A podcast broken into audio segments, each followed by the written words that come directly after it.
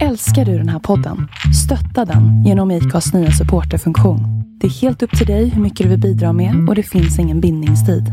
Klicka på länken i poddbeskrivningen för att visa din uppskattning och stötta podden.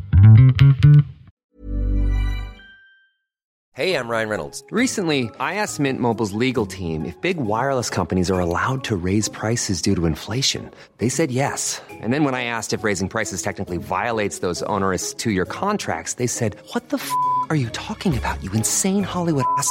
So to recap, we're cutting the price of Mint Unlimited from $30 a month to just $15 a month. Give it a try at mintmobile.com slash switch. $45 upfront for three months plus taxes and fees. Promo rate for new customers for limited time. Unlimited more than 40 gigabytes per month. Slows. Full terms at mintmobile.com. Hiring for your small business? If you're not looking for professionals on LinkedIn, you're looking in the wrong place. That's like looking for your car keys in a fish tank. LinkedIn helps you hire professionals you can't find anywhere else, even those who aren't actively searching for a new job but might be open to the perfect role. In a given month, over 70% of LinkedIn users don't even visit other leading job sites. So start looking in the right place. With LinkedIn, you can hire professionals like a professional. Post your free job on linkedin.com slash achieve today.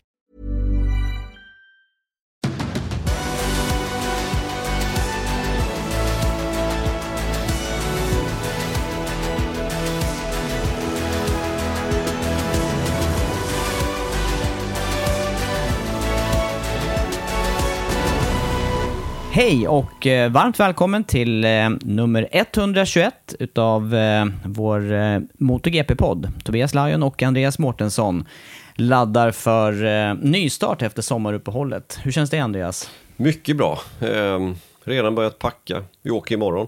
Så det blir kul. Det ska bli jätteroligt. Öppnar upp lite grann, får känna lite puls och eh, spännande, vacker, bra anläggning att vara på och arbeta också. Och full, fullt med publik. Mm. Sägs det.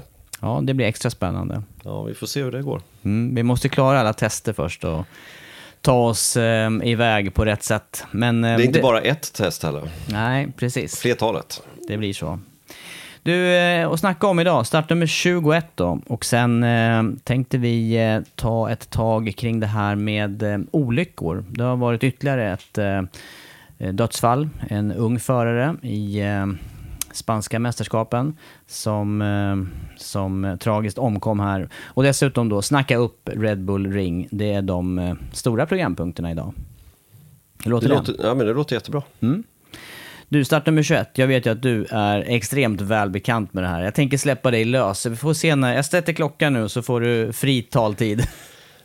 Vi har ju redan pratat om oss själva ju, så att det finns inte så mycket mer att tillägga. Jag körde ju i princip alltid med nummer 21, så jag vet inte, jag förpliktar ju det med mig själv här, eller det är mitt nummer helt enkelt. Sen att Hopkins, Baileys och Morbidelli just nu lånade av mig, det kan så vara, men det är fortfarande mitt nummer. Mm. Är det... Eller jag kanske lånar av Foppa och Börje Salming kanske, men det hör inte hit. Men vad, tog, vad kom numret ifrån då för dig själv? Jag vet att du pratade om det tidigare, men du får väl nästan repetera.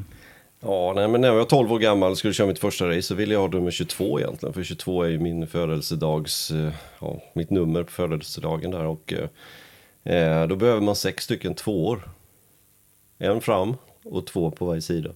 Eh, det faktiskt fanns inte sex tvåor, det fanns bara ettor och tvåor. Så då blev det 21. Var det så? ja, det är enkla förklaring. När du skulle köpa siffrorna där? Ja, vi hade massa siffror, men vi hade inte sex stycken tvåor. Ah. Det fallerade. Så eh, då blev det 21. Och sen var det med mig egentligen hela tiden. Men det är ganska bra nummer också. Jag gillar att man- att man har en etta med i numret. Ja, det var, det var bra. Det var bra. Det var någon säsong jag körde bara med startnummer två. För 21 var upptaget av någon anledning i, eh, i Europamästerskapen. Det gick ju bra den säsongen dessutom. Jag blev ju trea det året. Men, eh, men annars var det 21 nästan rakt igenom. Eller rakt igenom, förutom när jag körde GP, jag hade ju 26 där. Den storyn har vi också dratt en gång i tiden. I tidigare podd, då får man gå tillbaka till vilken nu podd det var, men någon gång runt nyår. Eh, det var om ditt startnummer, men sen de här, eh, framförallt Morbidelli som är aktiv nu, eh, också startnummer 21. Eh, nu är han eh, för tillfället på sidlinjen opererad och, och kommer att ersättas här närmsta racen utav Cal Crutchlow. Men eh, är Morbidelli ett namn som direkt poppar upp när du, hör, när du ser nummer 21?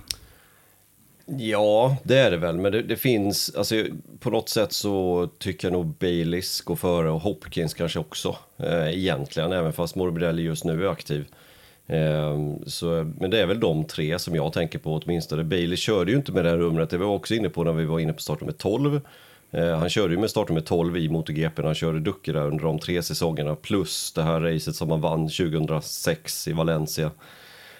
Då körde han ju med startnummer 12 som sagt, men 21 hade han ju alltid i Superbike VM där han dominerade. Mm. Och jag var, jag var stort fan av Baileys kan jag känna. Jag tyckte han, han körde spektakulärt och kom ju över till Europa, vill jag minnas, till brittiska Superbike. Eh, och, och ja, körde, han körde, vad ska jag säga, ja, spektakulärt på de där banorna som finns i Storbritannien. Nä, trånga, farliga, eh, ja, helt, eh, helt eh, orädd körning.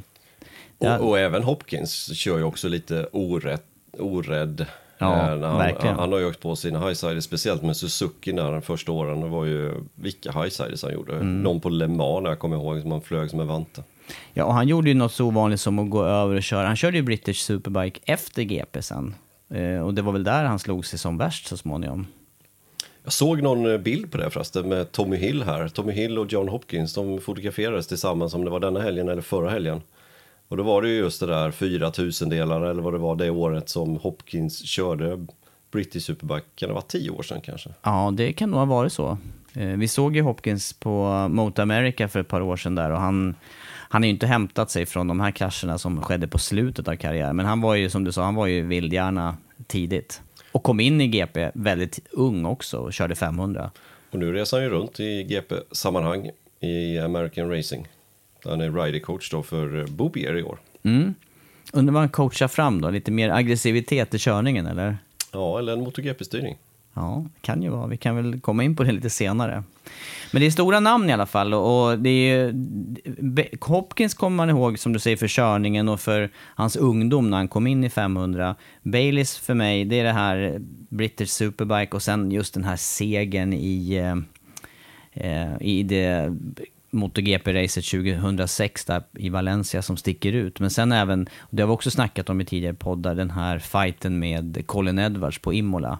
Det är också om VM-titeln. Och ja, några riktigt bra minnen med Baileys har man. Och så en aktiv förare då med Morbidelli. Mm.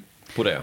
Som, som är borta just nu. Ja, han är ju det. Och eh, det som snackas om honom framåt här, det handlar väl om fabriksstyrning i Yamaha till nästa år? Det sägs ju som att den är eh, i princip redan spikad. Eh, han kommer vara borta åtminstone tre race till, det vill säga båda Red Ring nu. Och även Silverstone kommer ersättas av Crutchlow. Sen får vi se då om man kan komma tillbaka efter det. Efter det så är det ju Aragon och Misano back to back. Kommer man inte tillbaka till det ena så kommer man säkert inte till det andra. Det snackas ju om Misano, men jag vet inte, en vecka fram och tillbaka med just den knäskadan han har. Meniskel och eh, korsband. Men då är det kanske bättre att vänta ytterligare. Ja, och, och, då vet vi inte riktigt vad kalendern säger sen. Eh, det, är, det, det sägs ju USA där, men vi får väl se. Ja, men Morbidelli då? i det här sammanhanget. Han var ändå tvåa i MotoGP förra året, ska vi komma ihåg. Ja, han var ju det. Ja. Och eh, ja, det, det, är frågan om vad det här året gör för hans del. Då, för nu sitter han inte på konkurrenskraftigt material. Eh, om man då får chansen till nästa år så, ja, om, om, det, om det kan räcka hela vägen fram då. Han har ju en eh, vass teamkamrat, kommer ha nästa säsong. Eh, jag är det är lite sådär tveksam. Han förtjänar den styrningen och jag kan inte tänka mig att sätta in någon annan där utan han ska in där helt enkelt. Men också sen, sen kommer vi till framtiden också. Eh, de har Quattararo, Morbidelli, han är inte supergammal. Men ah, jag kan inte se mig att han är kvar i fabriksteamet heller i fyra, fem, sex år. Han, kanske, eh. han kanske får ett par år på sig som ja. du säger. Mm. Nej, lite, lite stolpe ut i hans karriär. Lite olyckligt för hans del att Quartararo dök upp samtidigt. För jag menar, det hade ju varit... Han hade kunnat vara given första förare annars med, med förra årets resultat. Han gjorde för dålig säsong 2019 helt enkelt. Det satte käppar i hjulen. Annars hade det varit han som hade suttit på det här fabriksmaterialet. Om man hade varit mycket bättre än vad Quattraro var. Quattraro som satt på fjolårsmaterial när han kom in i MotoGP men sopade banan med Morbidelli. Sen kom han tillbaka Morbidelli väldigt bra under förra året och blev tvåa. Men det, det, det räckte inte riktigt. Nej, det gjorde inte det. Men däremot har ju han en VM... Morbidelli har ju en VM-titel sen tidigare. Det har ju inte Quartararo till Nej, exempel. nej, inte det- än. Det var den där säsongen 2019. Det, jag tror att han vill ha tillbaka det året. Om man hade fått välja någon, eh, någon punkt i karriären han skulle gjort bättre så var det just den säsongen. För när Quattararo började prestera resultat då kändes det som att det gick bakåt också för Morbidelli och det är ju helt klart mentalt. Sen kom han tillbaka väldigt, väldigt starkt. Det, det, det ska vi inte ta ifrån honom förra säsongen. Det var ju inte långt ifrån Mir till slut när det, när det avgjordes. Nej, det var ju så. Ja, fyra namn här. Är det någonting ytterligare du tänker på här kring startnummer 21 och de här namnen? Nej men 21 är mitt nummer helt enkelt, de andra de, de Underordnad, underordnad betydelse. Lite så faktiskt, jag kommer alltid förknippa det numret med mig själv, inte med någon annan. Nej. Då stänger vi startnummer 21 för stunden, tycker jag. Du, eh, vidare här då på nästa programpunkt och det, det är en eh, fråga som aktualiseras eh, med jämna mellanrum, tyvärr. Och det handlar ju om svåra olyckor och olyckor med, med dödlig utgång som den här sporten drabbas av med eh, tyvärr då lite, lite för ofta och eh, i det här senaste fallet eh, med en väldigt ung förare bakom styret, Hugo Milan. Eh, och eh, ja, du får, du får fortsätta utveckla här Andreas. Nej, men det, han omkom ju förra helgen i en krasch på Aragon, Aragon som är en av de säkraste banorna. Men eh, precis som de andra olyckorna, oftast med eh, dålig utgång hur de sker, så blev han påkörd. Han gjorde en highsider och, och de där bakom kunde inte undvika honom helt enkelt. Och detta var ju i, eh, var det inte European Talent Cup? Jo, du har rätt skedde. där. Du har rätt. Eh, men det går under eh, samma helger som spanska mästerskapen. Ja, oavsett så är det, det är unga förare det handlar om, 15 år gammal. 14 år gammal var han. Till och med 14. Ja. Eh, och, eh, Och detta kommer ju också bara, bara månad efter Dupasquier då som eh, också omkom på Mugello som också är en av de säkraste banorna och, och det skedde ju på ungefär samma sätt. Ja, Alla såg ju det där, det var ju på live-feeden vi kommenterade dessutom och eh, Dupasquier var ju 17 år gammal. Oavsett så, eh, åldrarna kryper neråt eh, i, i eh, fråga om förare och de här talangkupperna gör ju sitt till. Och man har ju även introducerat ytterligare en sån eh, serie som eh, ska lotsa nya unga förare in i GP-sammanhang här. Och de här åld- det, det jag tänker på här, det är ju om det, om det är läge för åldersgräns, så att man kanske ska höja åldersgränsen för att köra eh, i de här farterna som det görs på banorna. Så jag 17 år, Ja, jag tror att de var 19. 19, stämmer. 19 år, jag menar 19 år. Eh, men i vilket fall fortfarande tonåring där, Dupasquier. Och eh, de, de här åldrarna där kryper neråt och, och numera är det ju nästan omöjligt för förare som börjar under tonåren till och med att köra. Vilket var hyfsat vanligt. Jag vet att du började tidigt när du, när du inledde din karriär, men jag började ju betydligt senare. Ja, nej, men jag började tidigt och den här diskussionen har ju verkligen blossat upp i samband med den här olyckan förra helgen. Eh, mycket media har skrivit just om att det kanske är läge att höja minimigränsen eller åldersgränsen på att få köra GP-motorcyklar, det vill säga motor 3 och uppåt. Eh, och eh, ja, jag började, ju, jag började ju på mindre motorcyklar när jag var 12, men, men jag körde ju stora motorcyklar, alltså 250 racer på den tiden. Det var, då var jag ju ja, 15 eller 16. Eh, hyfsat ung. På, på ganska tung motorcykel ändå, ganska snabb motorcykel. Mm.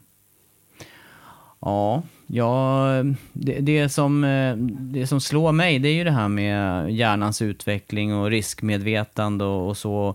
Jag har inga exakta siffror på det här, men jag har för mig att man inte är fullt utvecklad eh, konsekvenstänk och annat förrän i 20-årsåldern, eller kanske drygt det. Eh, och, och det är väl någonting som skulle tala för att höja åldersgränsen. För jag menar, vi ser ju de här förarna, de har ju skicklighet att köra, de har kört täta mästerskap sedan de var små, så att de här, den här förmågan att köra på gränsen och köra tätt med varandra, den finns ju. Men jag vet inte heller. Ja, men man säger ofta så här att man, ja, men alla förare i på vet vad de ger sig in på. Vet en 14-åring vad han ger sig in på? Jag visste inte det när jag var 14 kan jag säga. Att om jag slår mig nu så kommer det ha konsekvenser hela mitt liv. Det är ingen som tänker så i den åldern. Det är ingen som tänker Nej. så. Det, så man kan inte Jag skulle, säga, jag att- skulle säga att ingen tänker så i den åldern. Inte i 14 års ålder. Nej, inga killar i alla fall. Nej, och definitivt inte jag. Nej. Inte när jag var 14, då tänkte jag inte så. Inte när jag var 20 heller. Nej, jag är benägen att hålla med där. Faktiskt. Man sa det kanske, att ja, men man vet vad man ger sig in på. När man var 25, möjligtvis, att då visste man kanske mer och hade mer det här risktagandet kontra vad det lönar sig. Mm. Nej, men, men frågan är om det är liksom var man ska sätta gränsen då. För nu är det ju det är 16 år nu som är gräns för, eh, för GP. Och eh, då har ju många av förarna redan tävlat. Vi har ju sett eh, på plats i Valencia till exempel spanska serier, underserier till Moto 3 där de kör bra fort förarna och de når ju knappt ner på sina minimotorcyklar. De är 10-11 års åldern. Kör ner för raksträckan där i, ja vad kan toppfarterna vara? 150, 160, 170 i den åldern. Eh, ja, det är höga Men frågan är om man ska köra Moto 3 redan när man är 16. Det, det hade inte spelat någon roll i, i den här olyckan egentligen med, med det som hände nu på Aragon. Det kunde ha hänt ja, i stort sett vem som helst. Ehm, men frågan är ju ändå 14 år gammal.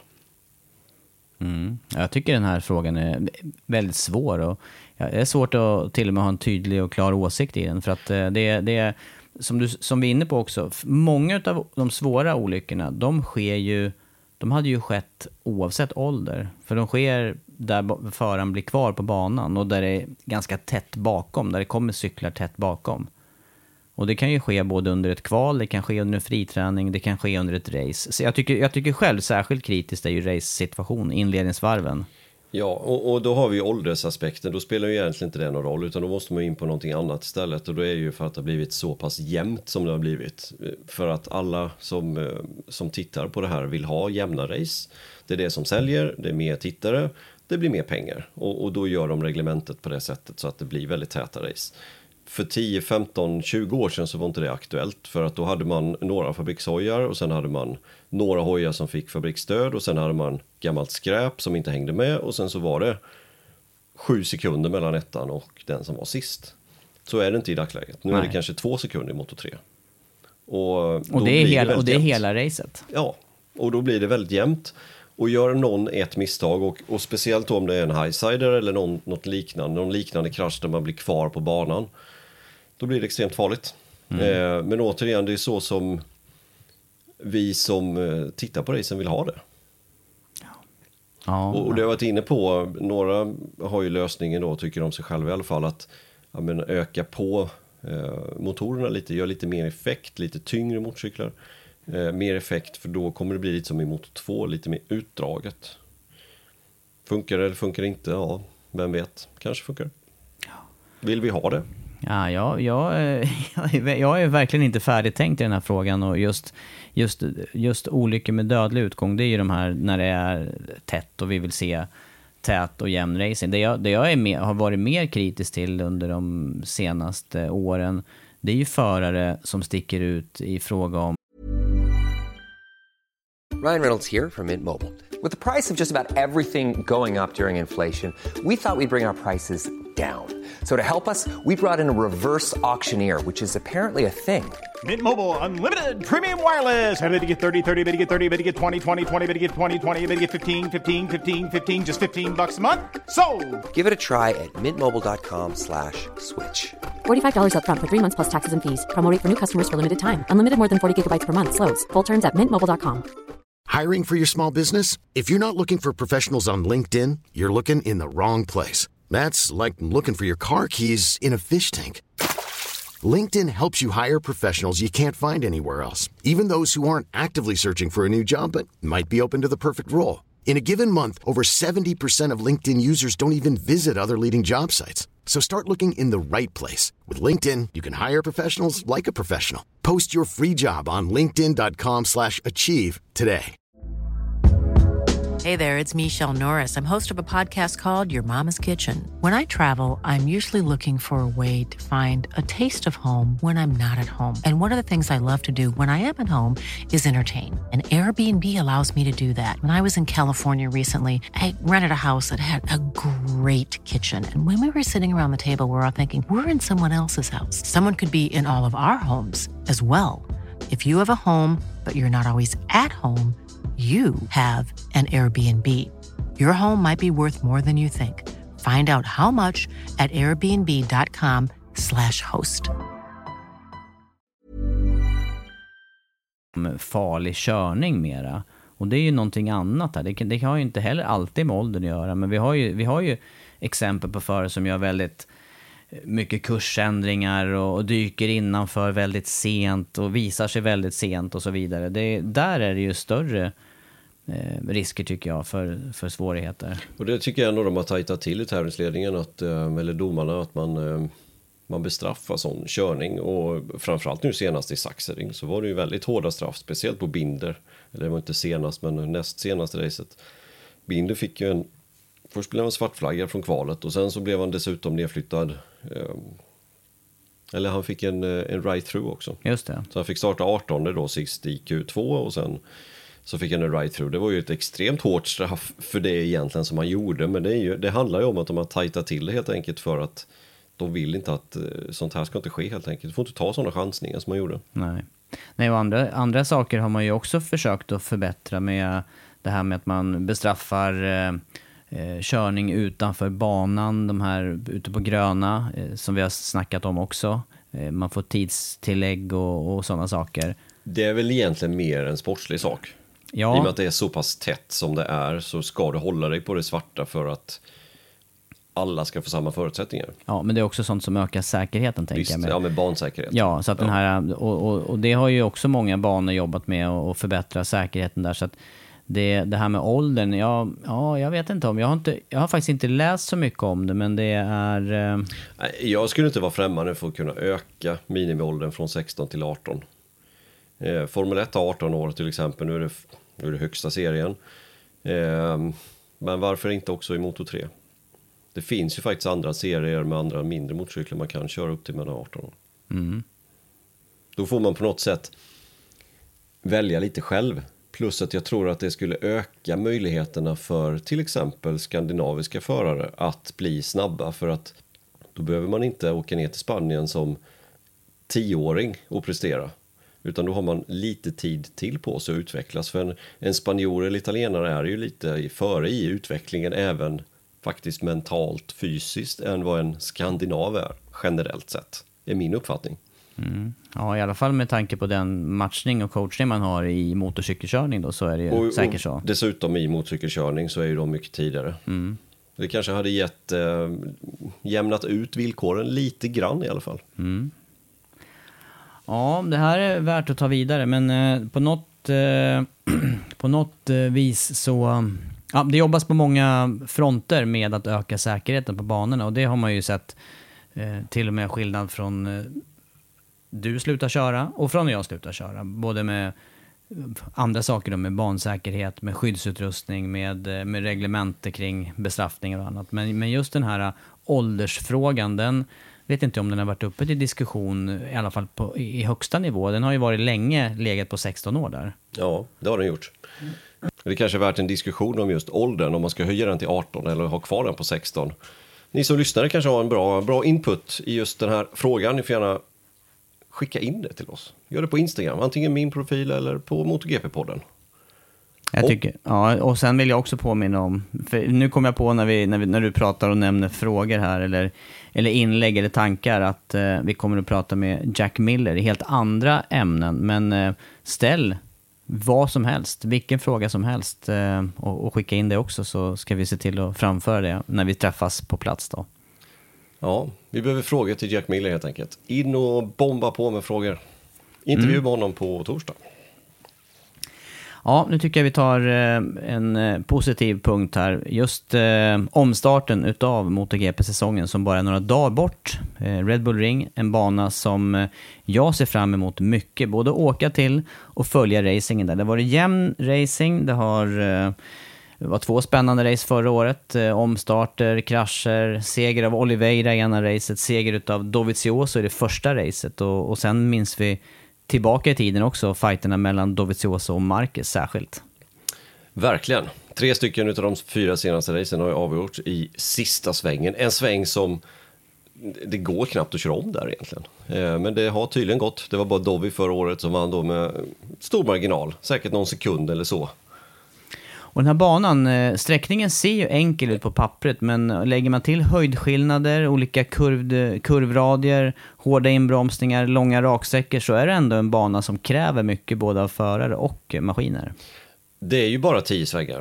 Eh, det är tre åt vänster, två stycken efter varandra. Eh, och sen är det kurva två som egentligen inte är någon kurva utan det är egentligen raksträckor och så bromsar man ju i kurva två och där kommer vi få se sladdar, precis som vanligt. Eh, med bakhjulet. Det är ganska, ganska fränt när de ställer ut bakhjulet in i kurva tre där. Men sen är det sju högersvängar. Ja, och eh, det gäller att ta sig eh, bra ur framförallt då sista sväng, som vi sett avgörande racet. Kurva 1 likaså, och även kurva 3. Så att, att komma iväg därifrån, det är superviktigt. Ja, det är ju tre stycken väldigt långa raksträckor efter varandra med bara en 90 graders böj som skiljer dem egentligen. Så att det gäller att ha en bra, bra cykel, inbromsning, stabil cykel. Då ska man komma ihåg att kurva 1 och kurva 3, bromsning uppför. Eh, då kan man ha lite hårdare framände på de två stycken inbromsningar. Men sen kommer vi till kurva 4 som kanske är den svåraste svängen på just den här banan. Den går utför istället. Ehm, I ingen asfaltsavåkningszon på utsidan, utan det är grus. Gör du ett misstag i kurva 4 och under racet och bromsar på dig, då är racet över. Det hände ju Quattararo under ett av förra, race, förra årets race där. Eh, nu hade han turen att det blev omstart till slut så att han kunde vara med ändå lite bättre.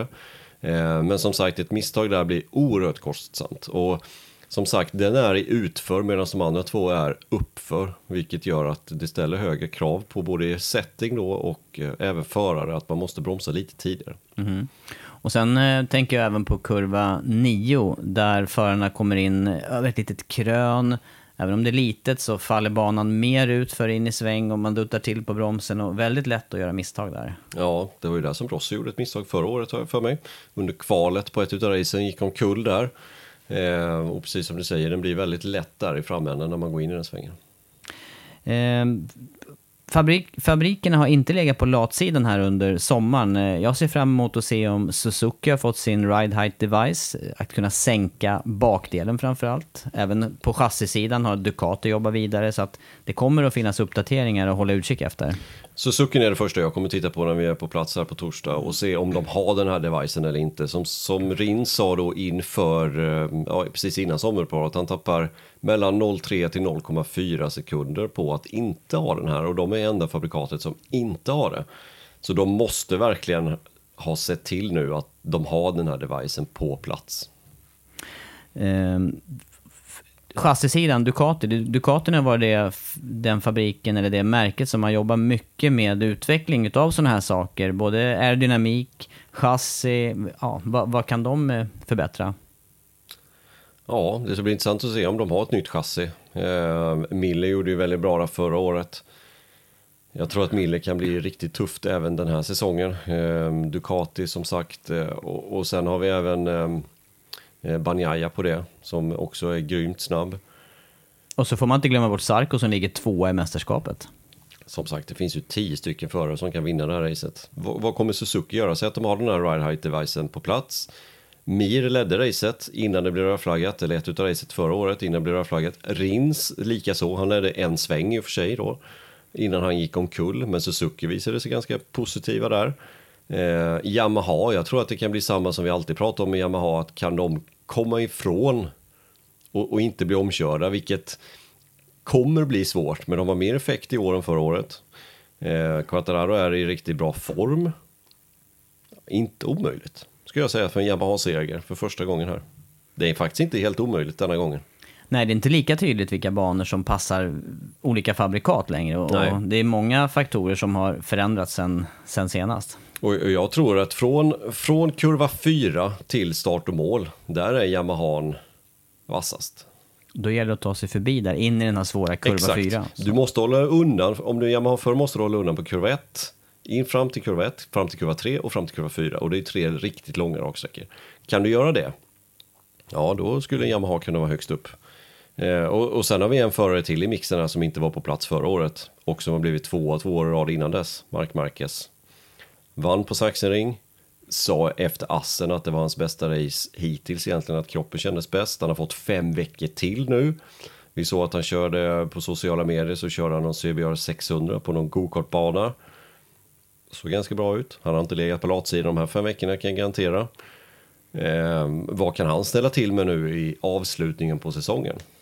Ja, han kan definitivt vara med i mixen och plocka poäng för olika förare här som gör att det blir... Det tror jag också Det definitivt. kan tajta till i toppen. Ja, det är mycket att se fram emot och eh, också en del annat att se fram emot eh, kopplat till den här helgen. Det är ju att få någon klarhet i till exempel kontraktssidan, for, framtid. Det finns några lösa trådar fortfarande att, att ta i, framförallt runt Yamaha och Petronas. Det känns som att vi har pratat om det här i varje podd nu, men ingenting eh, sätter sig överhuvudtaget här, känns det som. Ryktena blir bara mer och mer. Eh, Fernandes däremot, Raúl Fernandes, eh, kör ju för Ajo KTM Moto 2 i år. Ligger tvåa i mästerskapet efter Remy Gardner. Det ser ut som att han kommer köra för Tektra nästa säsong, alltså KTM. Eh, då kommer ju eh, Gardner är redan klar, det vill säga Petrucci och Lecona kommer i så fall få flytta på sig båda två. Eh, ryktet gick ju att Yamaha ville köpa loss honom. Det verkar inte som att det har lyckats utan att han kommer köra KTM och han har tagit beslutet att kliva upp till MotoGP-klassen och att det kontraktet var signat nästan en månad sedan men det har inte offentliggjorts än. Nej, och, och då gör ju det här, alla namn som vi har räknat upp tidigare här med Gerloff, med Bobier, med eh, Eh, Raskatlioglu, med, eh, ja, vi kan ju fylla på en mängd namn här som, som skulle kunna vara aktuella in i, men, men som samtidigt har skrivit på andra kontrakt i Superbike. Ja, och allting, eh, eller inte allt, men det mesta har ju ställts på ända med Vinjares. Att han valde då inför Assen, eller efter Assen blev det ju tillkännagivet att han kommer lämna för Yamaha. Där går ju också rykten om att han redan har signat för Aprilia, men att det inte är officiellt än. Vi väntar på det. Eh, ingenting är klart förrän det är klart. Nej, det vet, det vet vi sedan tidigare. Och sen då, eh, om Yamaha behöver ha eh, namn med MotoGP-erfarenhet så finns det ju då Lecona och Petrucci lediga nu med tanke på de här eh, Ja, precis. ryktena. Exakt. Om Fernandes då är klar där, då finns ju faktiskt de två lediga. Ehm, Morbidelli ser vi som nästan klart att han kommer ta klivet upp till fabriksteamet. Eh, Raslan Rasseli har ju sagt att de kommer att släppa Morbidelli om Morbidelli och Yamaha kommer komma överens, vilket jag tror att de kommer göra. Så att Morbidelli och Quattararo i fabriksteamet känns det som nästan gjutet då till nästkommande säsong. Men sen är det ju frågan då, Rossi, vad väljer han? Inga besked än. Det skulle kommit efter Mugello. Sen skulle det kommit innan sommaruppehållet. Nu är sommaruppehållet över om ett par dagar. Det har fortfarande inte kommit någonting. Jag tror att det jobbas på en Ducati-styrning där i sitt eget team. Bredvid Marini då. Ja, jag tror det. Mm, det skulle ju vara ett eh, häftigt sätt att, att avsluta karriären på faktiskt. Bara, bara att Ja. åka i samma team där. Ja. Ja, Ja, mycket- jag mycket tror att det möjligt. jobbas, jobbas på det. Några namn också ytterligare och, och slänga in i mixen här kring Yamaha. De du sa där förresten, om vi, om vi tar Fernandes då, han är ju troligtvis klar för KTM Textra. Toprak och Gerloff, de har ju skrivit på för nya kontrakt. Yamaha visserligen, men i World Superbike. Rea, han har ju sagt att att han kommer hedra sitt kontrakt med Kava och att det inte längre är aktuellt, men att han är hedrad för frågan. Eh, Sen är det de i, aktuella i Moto 2 där. Bobier, det är Lowe's, Roberts, Dixon. Det finns några namn ytterligare att eh, ändå slänga in i mixen. Ja, det gör ju det. Och, och där står vi ju lika nollställda som alla andra egentligen just nu. Det är Johan vet säkert. Ja, han kanske har... med Tänk på- om han har samma fingertoppskänsla igen, Ja, som med exakt. Quartararo. Precis. Ja, men, men Lecona, han har kört KTM nu några säsonger. Vad skulle hända med, på Yamaha för honom? Jag ser inte honom som en supertalang, absolut inte, men Han har ändå intressant. erfarenhet. Han har Ja. erfarenhet nu två säsonger från, från MotoGP-klassen. Mm. Det hade varit intressant att se honom på en Yamaha. Mm. Eh, Lowe's. Han är ju krackkung. Han har kört MotoGP, han har kört i Moto 2 många säsonger. När det väl stämmer för honom i Moto 2, då är han grymt snabb. Tre raka pool, första tre, tre racen den här säsongen. Två raka segrar innan misstaget. Han är inte dålig. Vad skulle hända om han sitter på en cykel som ger honom lite bättre förtroende för framvänden som inte Aprilian gav? Mm. Nej, det finns... Eh, hoppas att det faller på plats någonting av det här, eller Ja. att vi får reda på saker. För, för lämnar Rossi och lämnar Morbidelli för fabriksteamet, då är det ju två styrningar.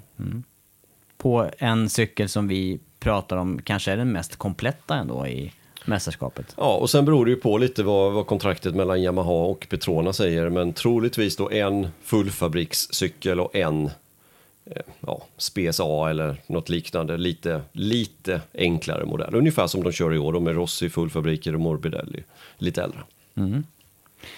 Du, mer att se fram emot till helgen, eller rättare sagt att slänga in i den här mixen, det är ju vädret som ser aningen osäkert ut, i alla fall inledningsvis under helgen. Ja, regn och kallt här både onsdag och torsdag. Sen ska det stabilisera sig, bli lite varmare. Eh, men det är risk för skurar på söndag. Vi får väl se. Det är, det är så tidigt det är i bergen där det kan bli det kan ju bli precis vad som helst.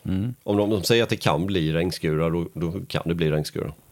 Och sen önskar jag inte riktigt den här dramatiken med de, de här krascherna och det var, det, var, det var dramatik i överkant förra året, både med Vinales eh, bromsmiss och sen den här kraschen mellan Sarko och Morbidelli uppe i kurva 3. Och i Moto 2 också. Det ska vi inte glömma bort heller. Nej, det var också en rejäl eh, krasch där när, vem var det som gick omkull? Det var ju, eh, ja, vem var det som gick omkull det? Bastianini gick omkull. Ja, Bastianini highsidade ut i kurv 1. ja, sen står det stilla vidare, vem som körde in i honom där. Thailand kanske? Ja, jag kommer inte ihåg hundra vilka det var. Nej. Sörin var det väl? Ja, det Syrin kanske var var. det. Mm, det var det. Som klippte hans hoj där. Nej, den var, det var riktigt otäckt. Det var flera otäcka krascher. Det var tre stycken riktigt otäcka krascher. Varav en som är helt otroligt att de ens klarade sig ifrån det där. Mm. Det hände inte fler gånger. Så, så blött hoppas jag verkligen inte blir på den här banan. För Nej. då är det ännu lättare att göra misstag just i kurva 2. Ja. Inbromsning in i kurva 3. Mycket att se fram emot under helgen och eh, för vår del då så väntar eh, ja, sista förberedelserna inför resan. Tack för att du lyssnar. Kom in med frågor till Jack Miller och tack återigen till er som stöttar podden.